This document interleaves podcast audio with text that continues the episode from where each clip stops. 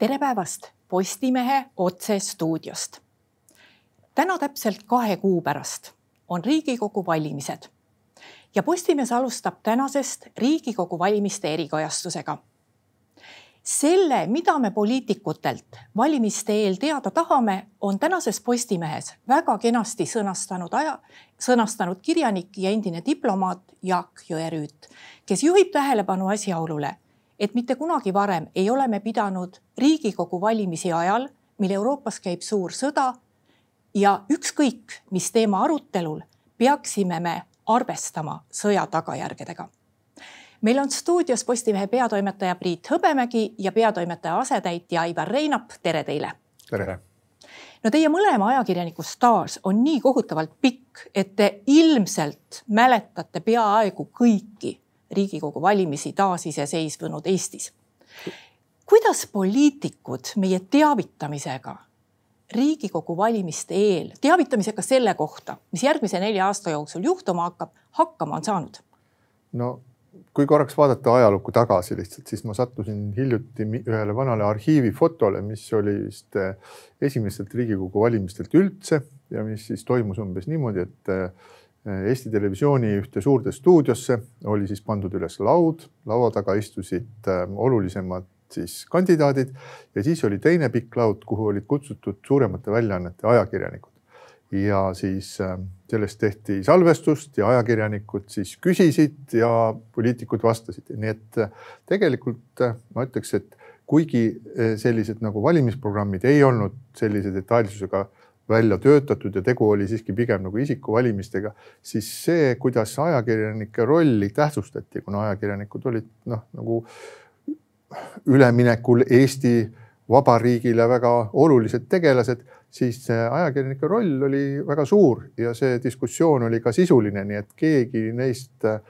väga kogenud ajakirjanikest ei määrinud poliitikutele mett moka peale ega küsinud meeldivaid küsimusi, see oli päris tõsine andmine, mis seal toimus Aivar, paranda mind, kui ma eksin, aga mulle isiklikult tundub, et kuni sajandivahetuseni sai veel valimiste eel, olgu need siis kohalikud valimised või Riigikogu valimised, rääkida asjadest ja ütleme sellisest päriselust. pärast seda hakati rohkem vehkima loosungitega ja ajakirjanik, noh, ükskõik mida ta küsis, sai ta vastuseks ikka selle agenda, mida poliitik esitada tahtis. sa juba oma küsimuses ütlesid ju vastuse ära, et ma hakkasin ka mõtlema siin, kui Priit rääkis, et kuidagi oli nii küll, et, et varasematel äh, aegadel ikkagi oli nagu noh, selline, selline uute ideede või, või vähemalt mingite lahenduste üle nagu arutelud, et, et viimased valimised on küll olnud niimoodi, et kus mulle tundub, et, et isegi mitte reklaamiagentuur, aga pigem see arvamusküsitlused määravad selle, millest äh, parteid tahavad üldse rääkida, et, et nad teevad neid küsitlusi, mis rahvale korda läheb, on ju, mis läheb tema valijatele ja, ja nendele, keda nad võivad mõjutada ja siis nad panevadki selle nii-öelda agendasse ja, ja enam me naljalt nagu mingit sisulist arutelu ei kuulegi. ja kõige hullem on see ka, et, et poliitikud on õppinud ära siis selle nii-öelda noh, avaliku väitluse või demagoogia on ju, kus äh, lihtsalt räägitakse eeter täis. Ja, ja, ja, ja tundubki nii, et, et mingitel hetkedel on seda nagu heaks kiidetud, et vaata, see ei meeldi, ta kogu aeg rääkis, aga mida ta rääkis, on ju pärast no ei tule mitte midagi meelde, et on ju kogu aeg rääkis kas meie ajakirjanikud oleme poliitikute vastu olnud liiga viisakad? me tavaliselt ju valimiste eel pakume neile suhteliselt võrdseid võimalusi, pakume neile neid teemasid, mida nad rääkida tahavad ja käsitleme neid või, või hoiame nagu siit kinnastes neid. kuidas seda ületada, Priit, ja saada teada tegelikult, mida poliitik meie elus plaanib teha järgmise nelja aasta jooksul, missugust Eestit ta meile pakub? No ja, no erakondade eesmärk on ju pääseda võimule, eks ole, et sellepärast nad siis nad äh, mitte niivõrd sellepärast, et kuidas seda Eestit juhtida, aga neil on mingisugused ideed ja nad tahavad neid ideesid hakata inimeste peal katsetama ja need inimesed oleme meie ja selleks on neil vaja tingimata tulla võimule, nii et selles mõttes tasub alati olla Äh, võib-olla ettevaatlik ja isegi natuke umbusklik nende poliitikute suhtes, kes tahavad sinu peal oma ideid katsetama hakata, et kuidas neil, et kuidas sa saad hakkama selle maksusüsteemiga, mis nad sulle pakuvad, kuidas nad saavad hakkama selle tervishoiusüsteemiga ja nii edasi ja nii edasi, aga meie oleme siin sellised nagu katseloomad selles mängus, nii et tuleb olla väga tähelepanelik. see viga, mis minu meelest ajakirjandus on mõnda aega teinud äh, mõned valimised, siis on see, et nad lasevad ennast juhtida just nimelt nendest poliitikute poolt välja toodud teemadest ja kui me meenutame seda, kuidas erakonnad on oma valimiste teemasid loonud, siis tõepoolest, et seesama, mis Aivar mainis, et arvamusküsitlused, meenutame näiteks ühte tänaseks nagu ajaloolist Isamaa kampaaniat, kus põhjalike arvamusküsitluste järgi selgitati siis välja, mis asjad lähevad korda. seal oli siis kodualuse maa vabastus maamaksust, siis oli seal veel tasut-, nii-öelda tasuta kõrgharidus ja siis oli veel ja sellest minu teada selles nagu valikus, mis toona välja arvutati, siis oli veel midagi, aga need jäeti kõrvale ja tegelikult tehtigi nii-öelda arvamusküsimuse, küsitluse põhjal, mille tulemusi noh, me elame selle tasuta kõrghariduse probleemiga tänase päevani, et mis on minu meelest nagu oluline näide sellest, et arvamusküsitlused ei loo olukorda, kus äh, riik läheb äh, õiges suunas, nii et, et aga, et sellest olukorrast välja tulla, siis peab ajakirjandus lähtuma enda huvidest, just nimelt nendest olulistest teemadest. Ja ma arvan, et me oleme seda nüüd teinud Postimehes, kus me äh, hakkame seda valimis, valimiste-eelset diskussiooni läbi viima just nimelt olulistest teemadest ja teemaplokkidest lähtudes, mitte selle järgi, et et okei okay,, et kutsume nüüd ühe poliitiku ja teise poliitiku ja las nad siis omavahel vaidlevad või nad ei vaidle või midagi taolist, aga et me ütleme, et nüüd me räägime nendest asjadest ja püüame siis leida ka need inimesed, kes konkreetsetes erakondades on asjatundjad nendel teemadel. ma arvan, et see aitab sellist nagu poliitikute poolt peale surutud agendat vältida. mis on, Aivar, meie teemad? no eks see kõik peamised teemad on, et äh, alates äh, julgeolekust, välispoliitikast ja sotsiaalpoliitikast, tervisest ja haridusest ja, ja lõpetades muidugi maksude ja kõige selle riigireformini välja, aga ma tahtsin veel seda ka lisada juurde, et me oleme liikunud noh, veidi sinnapoole, et nii-öelda nagu, nagu arenenud ühiskondade poole, kus konkreetsed parteid seisavad konkreetsete maailmavaadete eest ja me teame juba ette, et kuidas nad käituvad mingitel hetkedel, aga,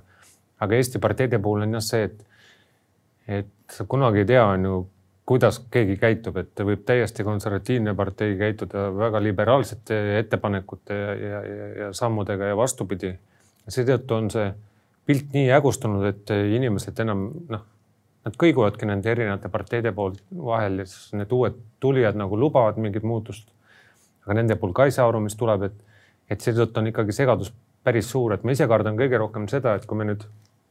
ka tuleme nende asjalike teemadega ja, ja aitame, võtame eksperte ka kõrvale ja no proovime seda nii-öelda nagu probleeme kirjeldada, et siis erakonnad saaksid pakkuda lahendusi, kuidas sealt välja tulla, et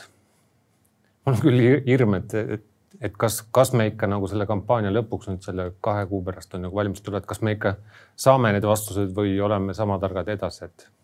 mis on see võtmeküsimus meil siiski, kas nii nagu Jaak Jõerüüt täna Postimehes sõnastab, et sõda mõjutab igat eluvaldkonda ja me peaksime sellest arvestama või kuidas see võtmeküsimus poliitikute suu läbi kõlada võiks? no ma ei tea, kuidas poliitikud seda tahavad sõnastada, kui vaadata nüüd neid esimesi vastuseid erakondadelt meie tänases Postimehes, mida nad on siis andnud, siis paistab küll nii, et osa erakondi saab aru, millises olukorras siis on maailm ja millises olukorras on Eesti ja osa erakondi ei saa sellest absoluutselt aru, ehk nad väldivad kõige olulisemat küsimust. Ja selge on see, et kõige olulisem küsimus on eksistentsiaalne. see on see, kas Eesti Vabariik, kas selline vabadus, mille me oleme endale kätte võidelnud, kas see jääb püsima või ohud sellele järjest kasvavad, et me teame ju väga hästi, et siis Venemaa kallaletung Ukrainale, see eh, sõda võib kesta väga kaua aega, sellel nagu sõdadel tavaliselt on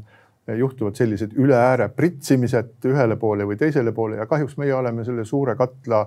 serva taga. nii et eh, me ei oska täpselt öelda, et kuidas see kõik hakkab mõjutama meid ja see sõltub omakorda lääneriikide tegevusest ja nii edasi ja nii edasi. aga põhiline küsimus, et ei ole mõtet rääkida siin toimetulekust, ei ole mõtet rääkida haridusest ja kõigest muust, kui see ei ole pandud sellesse Eesti Vabariigi säilimise ja edasikestmise eksistentsiaalsesse raami. et meil tuleb kõigepealt ja poliitikutel tuleb kõigepealt lähtuda sellest, mida teha, et Eesti Vabariik kestaks ja alles number kaks on siis see, et kuidas selle kest, pärast selle kestmise tagamist hakata oma asju korraldama vastavalt sellistele nagu sõjaaja oludele. no Aivar, noh, selle oma põhitöö kõrval ka majandusajakirjanikuna siiski, et äh, me nüüd praegu elame Eestis, kus äh, viimaste aastate jooksul, no me oleme tõesti suures kriisis ja viimaste aastate jooksul on rõõmsalt aetud poliitikat, et me toetame kõiki võrdselt ja me panustame sellesse toetamisse, et igapäevases elus hakkama saada, päris palju raha. kas äh, me tahame teada, kas selline toetussüsteem läheb ka edasi või ühel hetkel Eesti piir saab täis ja me peaksime hakkama toetama neid, kes tõesti toetust vajavad ja, ja välistama neid, kes saavad iseendaga hakkama eks meil on olnud ju selline hea võimalus, kus noh, kasvõi see eelmine aasta, et kus inflatsioon oli lihtsalt nii suur, et, et riigil maksutulusid tuligi väga palju ja kui sul on nii palju nagu raha, siis sul on võimalik ka kõike laiali jagada. et ega need toetused ongi meil ju niimoodi, et, et väga vähesed on noh, sarnaselt selle kaitsekuludega seotud skp või mingite muude näitajatega, et nad kasvaksid kogu aeg, et paljudega on ikkagi nii, et on ju, et aasta või kaks läheb mööda, me hakkame ots peale jälle vaidlema, et kas oleks õpetajatele palka vaja, kas oleks vaja mingi politseinikele või kas lastetoetus on ajale jalgu jäänud või no okei okay,, pensionil on natukene mingisugune side selle sotsiaalmaksu laekumise inflatsiooniga, aga, aga kuna enamik elu on selline, et nii-öelda kogu aeg oleme alguspunktist tagasi ja peame jälle sedasama vaidlust pidama, et kui palju see tõstmine on nüüd normaalne või mitte, nagu see praegune lastetoetuse vaidlus ka on, et, et seetõttu on poliitikutel väga hea kogu aeg nagu mängida sellist noh, jõulumeest, kes kogu aeg toob mingeid kingitusi, on ju, et näed, nüüd andsime sulle raha, aga tegelikult ta jätab selle teise poole rääkimata, et et kogu see muu riigipott on nii palju tõusnud, et tegelikult noh, see, et ta on võlgu tegelikult on ju nendele, kes, kes on ennem, ennem saanud mingit raha, mis on ajas ju devalveerunud, et, et selles kontekstis noh, muidugi võib ju rääkida sellest, et, et ootaks nagu vaidlus selle üle, et millist riiki me üldse nagu sellise rahvaarvu ja, ja, ja tuludega oleme võimelised üldse ülal pidama, et võib-olla me teeme kõiki asju nagu osas asju liiga palju on ju, et kas meil nii palju ministeeriume on vaja või, või kas need ministeeriumid peaksid just sellised olema või hoopis mingid teistsugused on ju. Et äkki me peaksime panustama rohkem näiteks IT-sse või mingi mujale on ju, kus tegelikult noh, on võimalik efektiivsemaks kogu riiki ja värki muuta, et. et ma loodan, et neid vaidlusi tuleb ka, aga, aga tavaliselt on ikka nii, et on, et tehakse midagi juurde, midagi ära ei kaotata, on ju, et mingit reformi nagu sellisel kujul ei toimu ja kõik läheb vaikselt edasi ja, ja, ja pigem halvemaks kui paremaks. no milline on äh, ajakirjaniku võime olla nii nutikas, et pinnida selle valimiseelse aja jooksul välja mõni selline idee, mis võib meile kaela sadada siis, kui koalitsioon moodustatakse keegi ei ole valimiste käigus isegi rääkinud sellest ja siis pannakse koalitsioon kokku ja tuleb mingisugune selline reform, mis kõike puudutab, et ei osaks, ei oskaks aimatagi. No ma arvan, et midagi täitsa ootamatut tõenäoliselt ei tule, et äh, kõik need suured äh, äh, reformid, mis ühtedele väga meeldivad ja teistele väga ei meeldi, et need on õhus tiksunud, need on, need, seda on erakonnad kuskil läbi mänginud, et tavaliselt ei too erakonnad lauale mitte midagi taolist, mis on täiesti uus ja tõesti värske et enne seda toimub selline testimine, neid lansseeritakse mingisugustes kõnedes, lansseeritakse mingisugustes seaduseelnõudes, mida pakutakse välja, igal juhul selline testimine toimub. Ja siis, kui vaadatakse, et, et see asi lendab, et sellel on ka reaalsed võimalused seda kõike poliitiliselt läbi viia, et siis tõmmatakse see käima, nii et põhimõtteliselt, kui eh, Eestis on see selle aastaga või nende viimaste aastatega, kus on erinevad eh, koalitsioonid mis lepivad kokku mitmesugustes huvitavates asjades ja seejärel selgub, et ähm, koalitsioonileping on midagi muud või sisaldab midagi uut lisaks sellele, millest on juba kokku lepitud ja pärast siis laiutakse käsi, et ja et näed, me tõepoolest nagu arutasime neid ja teisi-kolmandaid asju võiksime teha, aga vaadake, koalitsioonileping on selline koll. et sellele on korduvalt juhitud tähelepanu, et koalitsioonileping ei ole isegi dokument, mis oleks kuidagi seaduslikult sätestatud, aga ometigi see siis kuidagi määratleb meie Äh, siis meie nii-öelda edasist teed äh, riigina. ja noh, ajakirjanikel, mis neil ikka üle jääb, et nad peavad olema lihtsalt hästi nutikad ja otsima siis õhust neid läbiproovitud või kergelt katsetatud ideid, et mis siis võiksid ühe, teise või kolmanda koalitsiooni puhul kuskil nagu ootamatult kerkida, kerkida üles, aga noh, asi läheb nüüd keerulisemaks, sellepärast et on kaks suurt jõulist erakonda, kes mängivad äh, teineteist üksteise vastu välja ja siis on terve hulk väiksemaid ja nüüd nende väikeste kogusummast tõenäoliselt ka oleneb üsna palju, et mis siis lõpuks, mis siis lõpuks olema saab ja mida rohkem osapooli, seda keerulisem on mingisugust passianssi kokku laduda. Aivar, kas sa mäletad, et kui me saime selle Jüri Ratase valitsuse, esimese valitsuse ajal selle astmelise tulumaksuvaba miinimumi. kas sa mäletad, kas valimiste eel sellest ka räägiti, sest tol hetkel, kui see kokku lepiti tekitatud koalitsioonis, siis tundus see küll nagu välk selgest taevast. ei no Keskerakond on ju sellest minu meelest algusest peale rääkinud, et selles mõttes ei saanud see kellelegi üllatusena tulla, aga kas ta just mingisugune väga mingi astmeline oli, et ta oli pigem selline mingisugune kummaline onju, et, et sa kord nagu olid, onju, said mingit toetust, siis jälle kukkusid välja, pidid rohkem maksma, et et see oli selline nagu äraspidine asi nagu kogu see noh, millest ma ennem rääkisin, on ju, et, et ühel hetkel inimene nagu oma arust saab rohkem palka, on nagu rikkam, on ju, siis, siis riik karistab teda sellest, et, et ta kukub nüüd sealt astmete pealt välja, et, et kuna seda nagu ei muudeta ja meil on alati nii, et kui mingi asi tehakse, siis ei muudeta ka, on ju, et et nad oleks pidanud seda ju edasi arendama, et, et kui tuleb, palgad tõusevad, on ju, siis peaks need astmed ka tõusma, on ju, et siis oleks see nagu nagu ka loogiline on ju, et aga, aga noh, päralt on ta natukene selline nagu naljakas on ju, et seetõttu ma usun, et see parandamisele peale, peale valimisi läheb, aga mis suunas on ju, et Reform on lubanud, et kaotab ära jälle, et oleks kõigil ühtmoodi arusaadav on ju, et või siis Keskerakond on juba lubanud mingisuguseid suuri uusi astmeid peale panna, et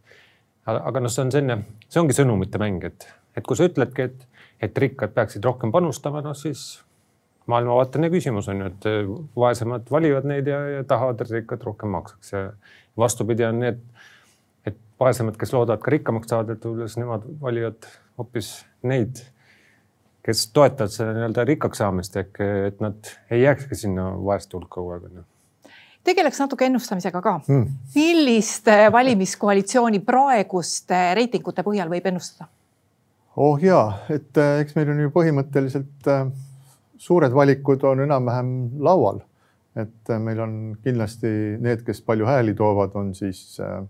on Reformierakond ja on EKRE, äh, mis siis omavahel väga suure tõenäosusega kokku ei lähe, ma arvan, võib-olla mingisuguse tohutu suure eksistentsiaalse ohu ees, mis tõepoolest meid, meile otse näkku jõllitab. et siis nad suudavad koostööd teha, aga tõenäoliselt mitte, nii et siis need võimalikud siis äh, koalitsioonid tuleb punuda kummagi suure ümber, nii et meil tegelikult on nagu kaks liini, et kuhu poole siis võib minna, et kes, kes on võimelised koonduma EKRE ümber ja kes on võimelised koonduma Reformierakonna ümber ja siin on meil kindlasti üks, üks erakond, mis on võimeline või isegi kaks erakonda, mis on võimeline kummagagi neist koostööd tegema. et ähm, siis veel need pisikesed juurde, nii et äh, praegu on raske öelda, et kui väiksed uued tulijad hakkavad ära võtma hääli Äh, sotsidelt ja näiteks Isamaalt, et siis muutub sotside ja Isamaa selline neile kõige meeldivam roll ehk olla mingisugune kaalukeel, muutub selliseks väiksemaks, siis nad ei saa nii palju mõju avaldada. üldiselt neid variante on palju, mis, mida siis elu on näidanud ja mida ka professor Taagepera on siis oma, oma valemitega näidanud seda, et kolme osapoolega koalitsioon ei kesta Eestis kuni valimisperioodi lõpuni ja ei olegi kestnud, ükskõik milline see põhjus on, kas see on siis nagu sisuliselt poliitiline põhjus või on see mingisugune täiesti lambist tulnud skandaal, nagu siis oli Porto Franco skandaal, aga igal juhul kolm osapoolt lõpuni välja ei vea, nii et see on ka minu meelest selline õpetus kõikidele nendele, kes hakkavad suure õhinaga koalitsioone kokku panema. Et äh, kui teid on kaks, siis te saate tõenäoliselt äh, kuskile välja jõuda. kui teid on kolm, võite olla täiesti kindlad, et te lõpuni välja ei jõua. Ja kui teid on neli, siis on teie eluiga hoopis lühike, aga noh, millised need siis koalitsioonid lõpuks tulevad, et seda on raske öelda, sellepärast et et noh, näiteks Eesti kakssada ei ole tegelikult kordagi pidanud veel tõestama oma tegelikku läbilöögivõimet valijate juures, see on olnud niisugune mäng lihtsalt, aga nende tuleproov nüüd tuleb. minu jaoks on ka küsimus pigem see, et kas sotsid ja Eesti kakssada üldse pääsevad sisse või mitte, et kui nad ei pääse, et siis muidugi tekib nagu need mänguvõimalusi palju vähem, et siis äh, saavad ju teised proportsionaalselt äh, rohkem. Sotside asemel ma oleksin suhteliselt murettekitav, et ma viimasel ajal olen rääkinud sotside põlisvali, valijatega, nad ei saa aru nagu, mis seal toimub, et, et kui nad ei suuda nagu selgelt sõnumit anda, et nad on ikkagi seesama sotsid on ju, kes seisavad mingite põhimõtete eest, et, et muidu võib tekkida neil isegi probleem, et, et valija karistab neid ära ja kui nad välja jäävad, noh siis, siis muidugi on üks maailmavaade nüüd vähem, on ju, et Eesti kahesajal on täpselt sama küsimus, et, et reitingud näitavad iseenesest ju, ju võimalust sisse pääseda, aga, aga valimissituatsioon on ikkagi täiesti teistsugune, et kui sa seisad seal kabiinis ja sul on mingid tundmatud nimed ja eriti aru ka ei saa, noh, mille eest see partei seisab, et siis on väga lihtsalt saanud kellelegi teisele hääle, on ju, kuidas sa tead. mistõttu noh, tuleb ikkagi väga kõvasti pingutada ja see kaks kuud on aeg näidata ennast küll, on ju, ja Postimees annab need võimalused kätte, et ole nutikas, paku asjalikke ideid, millel on ka nagu reaalne võimalus midagi muuta, et siis võib-olla valija mõtleb ümber, on ju, et kuulge, andke valijale ka nõu, sest et poliitikad, poliitikud ju tülitavad neid nüüd igal pool, et kui tuleb tänaval poliitik, kas võtta lihtsalt sulle küpsetatud pannkook ja pastapliiats vastu või küsida temalt ka midagi? muidugi võib pannkoogi vastu võtta ja pastapliiatsi võib ka vastu võtta, kuigi kui nüüd ma arvan, iga eestlane, kes on valimas käinud, kui ta nüüd vähegi võtab selle, selle plekist topsiku, mis tal on seal kuskil ähm, kapinurgal, kus on kõik need pastakad, mis ei kirjuta, siis ta leiab sealt küll sotse, küll Keskerakonda ja Reformierakonda, ei tea mis ajast. nii et äh, pastaka võib ka vastu võtta, kui on vaja midagi kirjutada. nüüd äh, mina ausalt öeldes väga palju ei usu sellesse tänavanurga vestlusesse, et ähm, teatavasti poliitikud lähevad sinna, seisavad, külmetavad väga vapralt seal ja siis vastavad ka küsimustele, aga lõppkokkuvõttes me oleme näinud, et siis nad teevad nagunii seda, mida nad, mida nad äh, ise tahavad teha, nii et tegelikult on olulisemad minu meelest on nagu kaks asja, üks asi on see, et mida rohkem inimesi läheb tänavu valima, viiendal märtsil lähevad valima, seda suuremad šansid on see, et me teeme Eestis õiged otsused, kuna see hulk lihtsalt hakkab nagu, hakkab midagi määrama. ja teine on see, et äh, äh valige ikka inimesi, kes on teie meelest nagu õiged inimesed, et see on nagu, et, et ähm, need, kes on teinud minevikus õigeid otsuseid, et siin üks asi on sõnad, aga me peaksime eriti just valimissituatsioonis tegema valiku nende inimeste poolt, kes on oma tegudega tõestanud, et nad on teinud õigeid otsuseid või nad on avalikult seisnud õigete asjade eest, et kui teha sellisel põhjal valik, ükskõik milline siis inimese enda no ütleme nagu äh, poliitiline siis kallak on, aga et valige neid, kes on midagi korda saatnud ja see, see tagab tõenäoliselt ka selle, et see tulevane Riigikogu hakkab midagi korda saatma, et seal ei ole lihtsalt need mehed, kes lihtsalt lobistavad, kes midagi räägivad, aga et kellel tegelikke tegusid ei ole, mehed ja naised, ma tahtsin öelda. võib-olla ma olen juba noh, selline paadunud valija, et, et ma ikkagi vaatan seda pikka perioodi, et on ju, et kui see nelja aasta jooksul ikkagi ei meeldi, mida nad on teinud, siis ma ikkagi ei anna sellele erakonnale, kes on käitunud noh, taoliselt, mida ma ei tolereeri, et et ei tasu nüüd ka arvata, et kui inimesed tulevad nüüd kaheks kuuks kuskile välja, teevad ilusat nägu ja räägivad kõike seda, mida ma tahan, on ju, et et, et siis järgmised neli aastat ei ole jälle see, mis võib-olla ei meeldi, on ju, et pigem tuleks ikka vaadata tegude järgi, et kui ikkagi keegi tuleb appi, kui on kriis, on ju, lahendab probleemid ära, on ju, et siis ma usun, et võib-olla järgmise kriisi ajal ta teeb sedasama asja, aga kui, kui see jutt on enam-vähem selline, et, et saage ise hakkama ja, ja meid ei huvita, on ju, et siis noh, aga miks teda huvitab siis minu muu probleem on ju, et, et tuleb ikkagi kogu aeg olla nagu pinges või vedane vormis on ju, et mitte, mitte ainult sel viimasel päeval on ju või selle viimases väitluses näiteks on ju. aitäh, Priit, aitäh, Aivar! Ja aitäh ka kõigile neile, kes meid vaatasid meie esimene valimisstuudio on eetris juba tuleva nädala kolmapäeval. aga meie teised saated on eetris juba alates homsest. seniks lugege uudiseid postimees.ee. thank you